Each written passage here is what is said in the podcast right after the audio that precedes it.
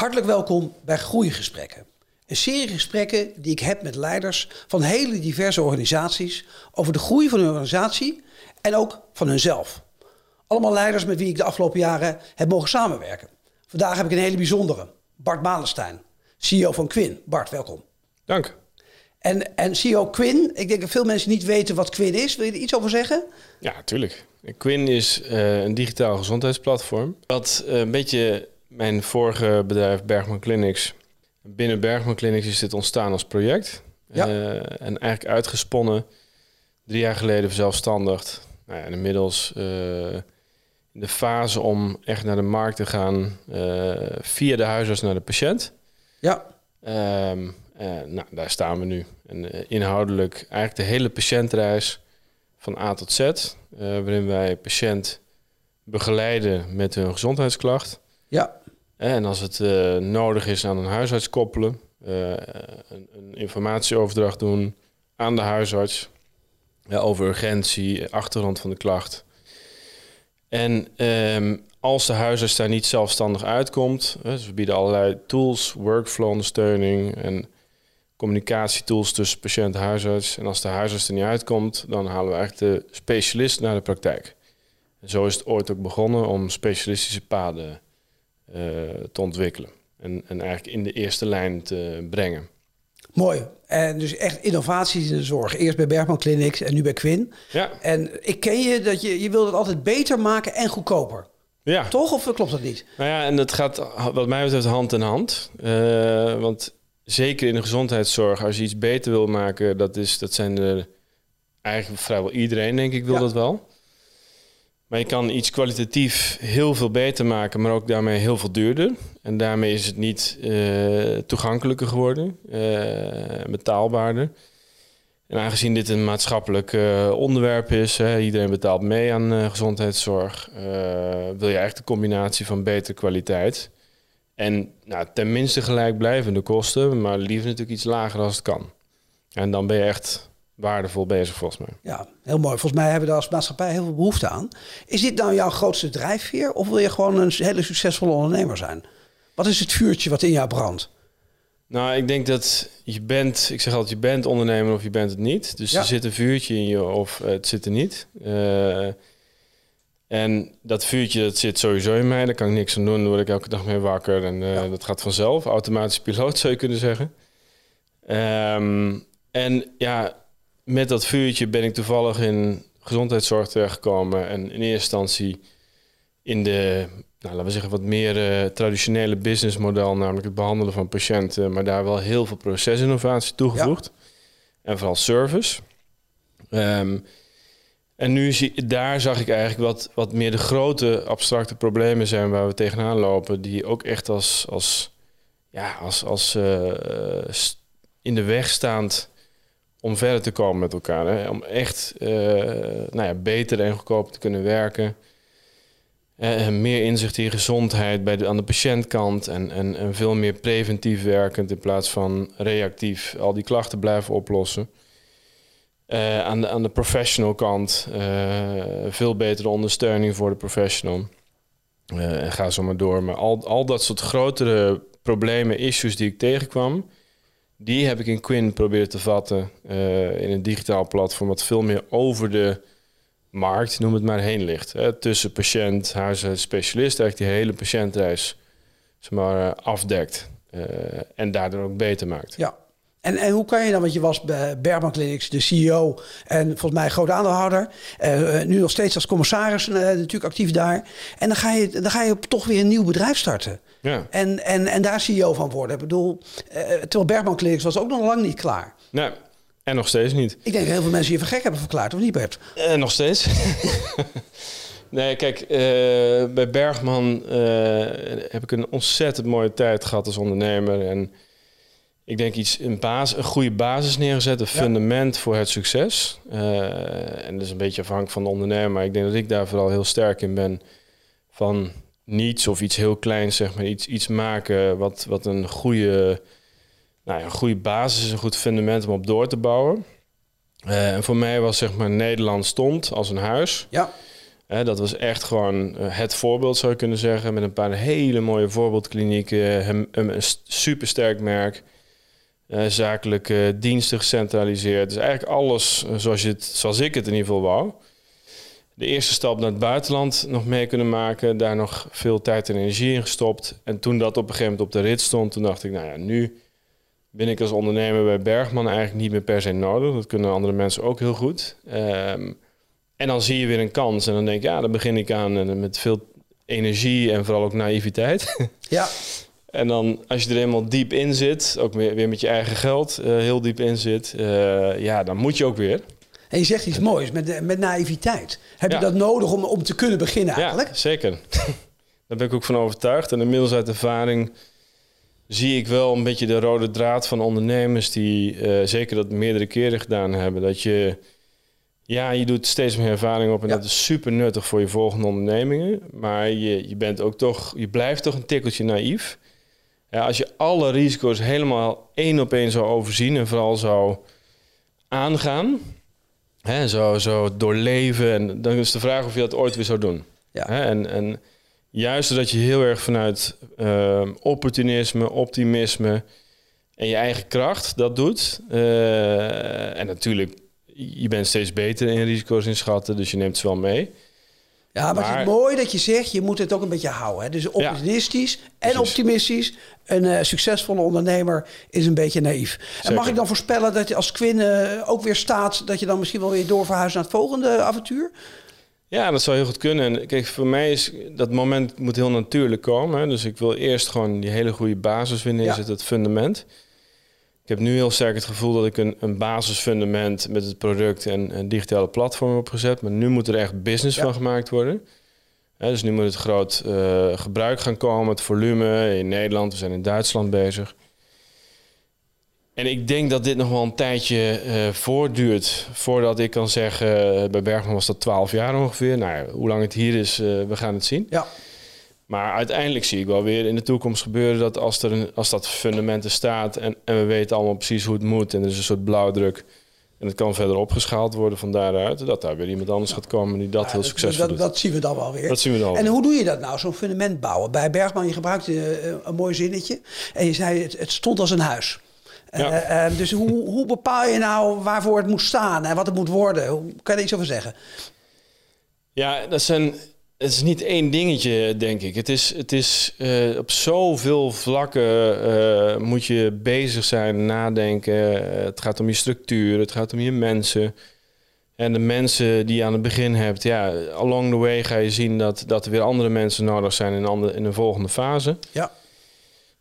Um, maar ook je structuur die je bedacht hebt, die moet je continu challengen. Waar staan we nu? wat hebben we nu nodig? of het nou je je structuur van, van, van mensen uh, is, je aansturing of uh, nou ja, um, waar ligt je nadruk op? Hè? Is dat meer op productontwikkeling bijvoorbeeld in mijn geval nu, of is het juist wat meer op business? waar, uh, waar ligt je, zeg je belangrijke volgende stap? Waar, waar, moet je, waar, waar wil je en moet je het meest succesvol mee zijn? Dus het is continu eigenlijk nadenken over de fase waar je in zit de mensen die je hebt, de structuur van je bedrijf en de volgende stap. Hè? Ja. Telkens, mijn taak is elke keer wat stappen vooruit blijven denken en dat proberen te zien. Hè, vanuit die visie terugredeneren. En daar heb je dus ook weer mensen van. Want dat, dat, dat is nou juist weer hè, van visie naar executie. Ja. Dat hoor uh, ik altijd bij ondernemers. Hè? Dat, dat hele, die grote visie hebben en precies. dat dan weten om te zetten in echte executie.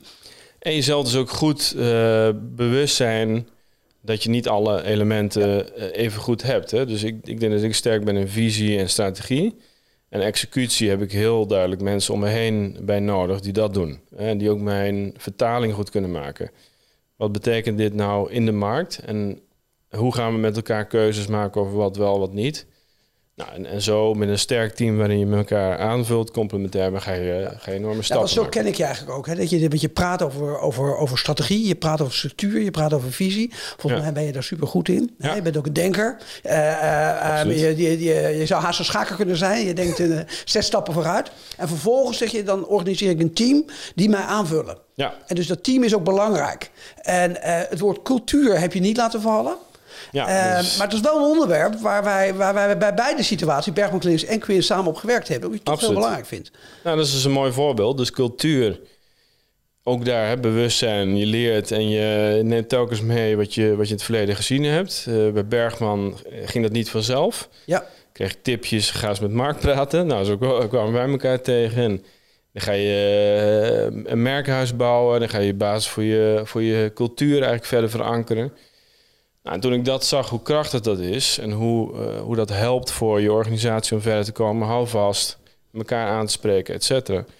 Ja, toen bij Quinn dacht ik... het eerste wat ik moet doen als ik even eh, ietsje, een jaartje bezig Ja. ben... is dat. Ja, Ja. Zo zijn we meteen aan de slag gegaan met daar eigenlijk heel snel al, heel vroeg bij het bedrijf, dat merkhuis neer te zetten.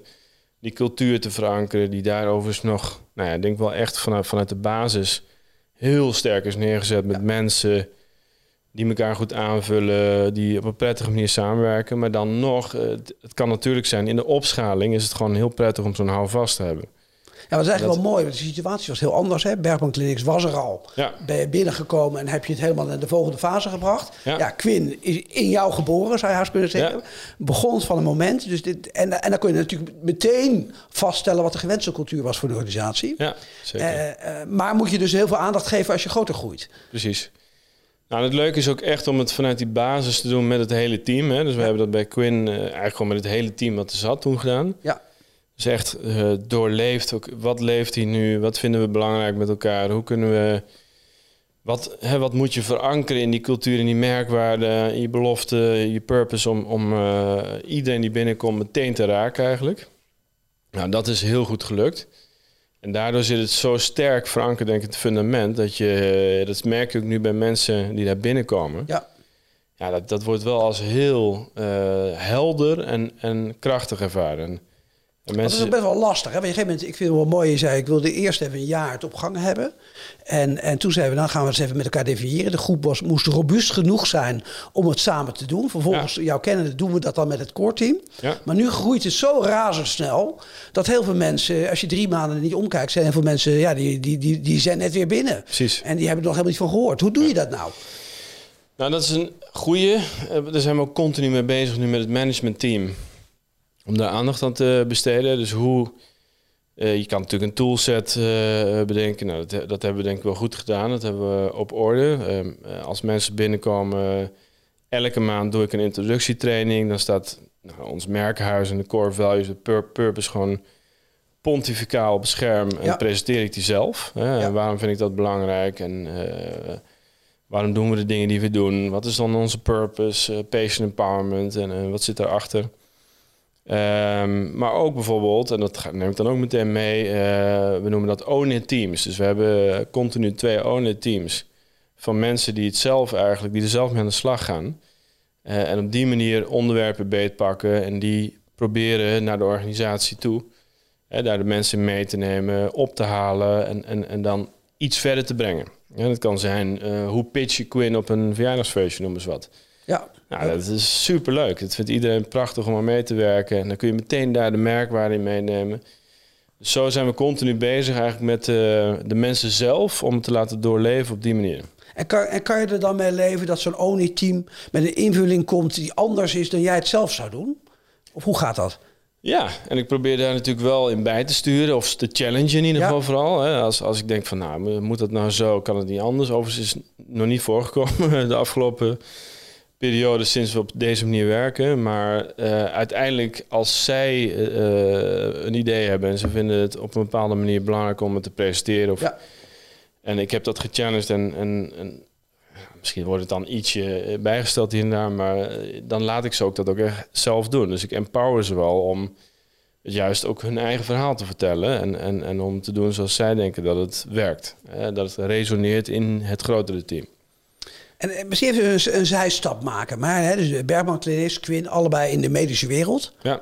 Eh, je hebt zelf geen medische achtergrond. Ehm, ja, hoe kan je nou succesvol zijn in zo'n markt die zo specifiek is?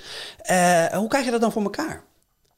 Nou, ik denk, ik denk ook echt dat je... eh, misschien moet je wel geboren zijn voor deze markt. Ja, een soort van uitverkorene zijn. Want ik zeg ook altijd, als je eh, dat wat je nu, dat wij, wij nu met Quinn doen, als je dat niet, niet die achtergrond, ik zit nu 15 jaar gezondheidszorg, als je niet die achtergrond hebt, niet dat netwerk, weet hoe het werkt, eh, hoe je met dokters kan spreken, ja, dan is het bijna onmogelijk om dit te doen.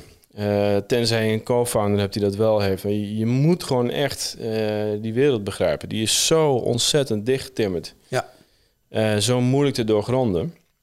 Ehm, dat als je echt zeg maar op een hele vernieuwende manier bezig wil zijn in die markt, ja, dan moet je daar uitkomen. Dus daarom zei ik een beetje gekscherend eh uitverkoren. Het is bijna een journey. Hè? Ja. Je, ik kom toevallig bij Bergman, ik doe daar mijn ding, ik leer daar die hele wereld kennen.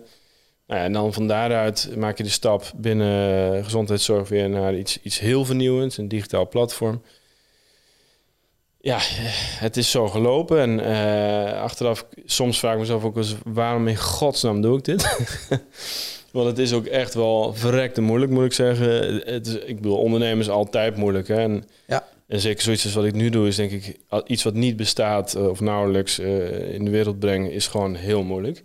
Maar in de gezondheidszorg, en dat hoor ik ook altijd om me heen terug, is dat nog een beetje moeilijk. Maar, ge- maar geef dus het antwoord, waarom in godsnaam doe je dit? Nou ja, dan, toch maar een beetje hierop. Omdat je dan, kijk, je, successen die je ziet, die zijn hartstikke mooi. Eh, dat, dat is zeer bevredigend om te zien dat iets werkt. Hè? Dat eh, een patiënt het gebruikt, wat een huisarts zegt, fantastisch, of een specialist. Zo wil ik het graag en dit is precies wat ik altijd gedacht heb. Nou, dat bij elkaar brengen en het succes zien, dat is heel mooi. Ehm, ja, en dat je ergens al zoveel van weet, zoveel ervaring van en ook zo goed weet hoe het beter zou kunnen wat je daar aan kan doen. En dan merkt in de maatschappij zo'n belangrijk onderwerp, maar eigenlijk zo weinig mensen weten er iets van. Ja. En snappen het echt. Dat je denkt van, nou ja, dit is dan wel mooi als je iets voor elkaar kan krijgen in deze wereld. Ja, en die combinatie is volgens mij prachtig. Hè? Aan de ene kant die wereld heel goed gaan begrijpen. Ja. Contacten kunnen leggen. Mensen gaan voelen dat jij die wereld begrijpt. Precies. En continu die eigen wijsheid houden. Maar het kan wel veel beter. Ja, En daar dus niet in naar binnen gezogen worden. We houden zoals het is. Hè? precies. Nee, want het is, het is ook heel makkelijk een valkuil waar ik ook dagelijks met mijn mensen op challenge bij Quinn. Eh, heel makkelijk, eh, omdat het gewoon zo moeilijk is. Hè. De- je wil het bij de patiënt krijgen. Onze, onze purpose is patient empowerment. Ja. Patiënt versterken, eh, in zijn kracht zetten, informatie geven, context geven. En heel makkelijk, omdat het zo moeilijk is om die, om die patiënt goed te bereiken. Hè, omdat er een verzekeraar tussen zit die betaalt. En een huisarts die daartussen sturend zit. En een specialist waar nodig. Is het zo ontzettend moeilijk om daar te komen. Dus heel vaak eh, zie je een soort van automatisme binnen het team. Van, ja, we moeten toch veel meer op die huisarts. En die huisarts is onze klant. Hè, of de verzekeraar, want die betaalt. En dan moet ik elke keer weer terug en zo, jongens, nee, ja, natuurlijk. Het zijn hele belangrijke Ja. stakeholders. Die huisarts is verschrikkelijk belangrijk, elementair zelfs. Maar laten we daar dan mee partneren. Het zijn onze partners waarmee we samen die patiënt empoweren. En die, en die verzekeraar die is een betaler, ook een hele belangrijke stakeholder. Hè, maar die moet uiteindelijk de waarde ervan zien. Hè. Die, die, als die iets betaalt, dan moet hij gewoon terugzien waar komt dat terug. Ja. Hè, dus zo moet je elke keer rekening houden met je stakeholders. Maar laten we continu ons oog op de bal houden. Waar maak je het echte verschil? Ja, mooi gezegd. Oog op de bal houden. Oog op je visie houden. Hè? Daar heel precies. goed aan vasthouden. Lijkt hier wel het geheim van succes te zijn. Ja. Bart, hoe ben jij gegroeid de afgelopen 15 jaar? Eh, ik zou bijna zeggen op alle manieren. Maar eh, nou, ik denk vooral in... ehm, kijk, mijn, mijn, mijn visie, strategie is denk ik... Ook dat is een beetje het ondernemerschap. Visie, strategie is denk ik iets waar je...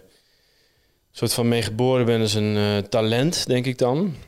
En die kun je natuurlijk versterken. En, en daar kun je van alles aan doen om dat te ontwikkelen. En, en, en ook gewoon het doen, hè, het ondernemen zelf. Eh, en de dingen waar ik minder goed in ben, noem het maar even eh, als één begrip, eh, executie bijvoorbeeld. Hè, dag, dagelijks gewoon heel consequent uitvoeren. Nou, daar moet ik dus gewoon heel snel hele goede mensen bij halen en, en, en een team om me heen vormen. Natuurlijk, steeds beter weet ik en snap ik zelf ook wat er moet gebeuren. Maar daarmee, je moet gewoon blijven erkennen dat je zelf vooral bezig moet zijn, in je kracht moet staan. En om je heen verzamelt wat je, nou ja, wat je, je mindere punten zijn. Ondanks dat je je daarin ontwikkeld hebt, altijd zorg dat je eh, een heel eh, complementair team hebt die het gezamenlijk veel beter doen dan jijzelf. Mooie, mooie tip voor mensen die wat willen. Hè? Dus focus op je kracht. Precies. En organiseer zeg maar, je zwakte om je heen. Ja. In plaats van zeg maar, eh, in die zwakte proberen een klein beetje beter te worden. Ja, en natuurlijk kun je ontwikkelen. En dat doe je sowieso Uiteraard, wel. Als je ja. tenminste een beetje oplet om, om je heen kijkt. Hè? En, maar dan nog, blijf altijd gewoon in je kracht staan. Geld. We hebben het helemaal niet over geld gehad. Ehm, is, dat, is dat belangrijk als ondernemer? Of, of speelt het helemaal geen rol? Of hoe zit dat? Nee, ik zeg, als je, als je wat langer eh, in een situatie zit dat je geld tot je beschikking hebt, dan weet je dat dat eh, ontzettend prettig is om te Ja. hebben.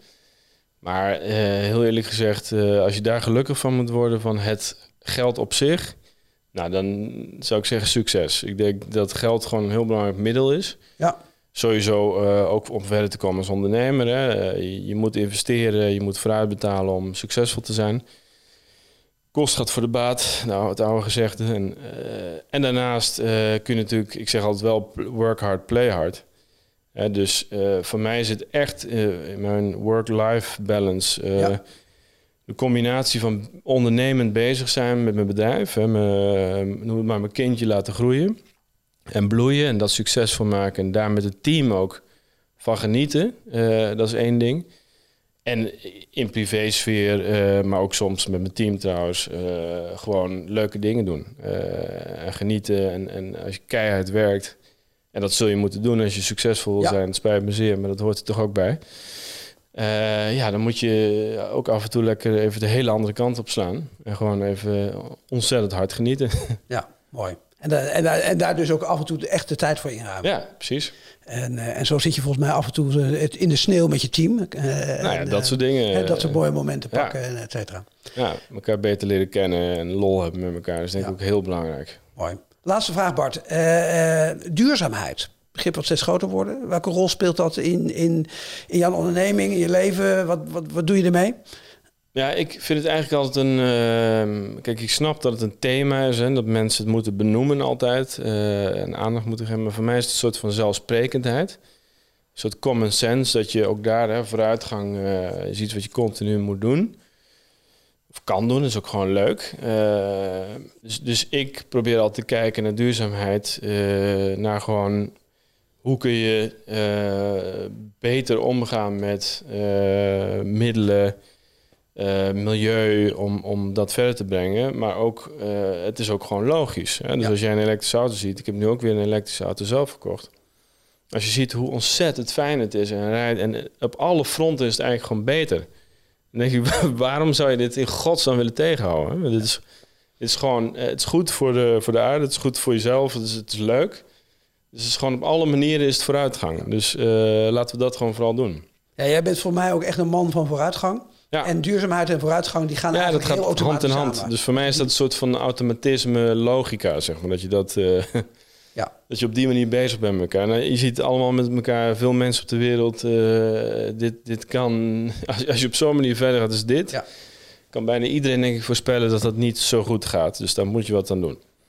Mooi, dankjewel. We omarmen de vooruitgang. Bart, dankjewel voor dit gesprek. Graag gedaan. Voor de kijkers en luisteraars, jullie hebben eh, gekeken of geluisterd naar een gesprek in de serie Groeigesprekken.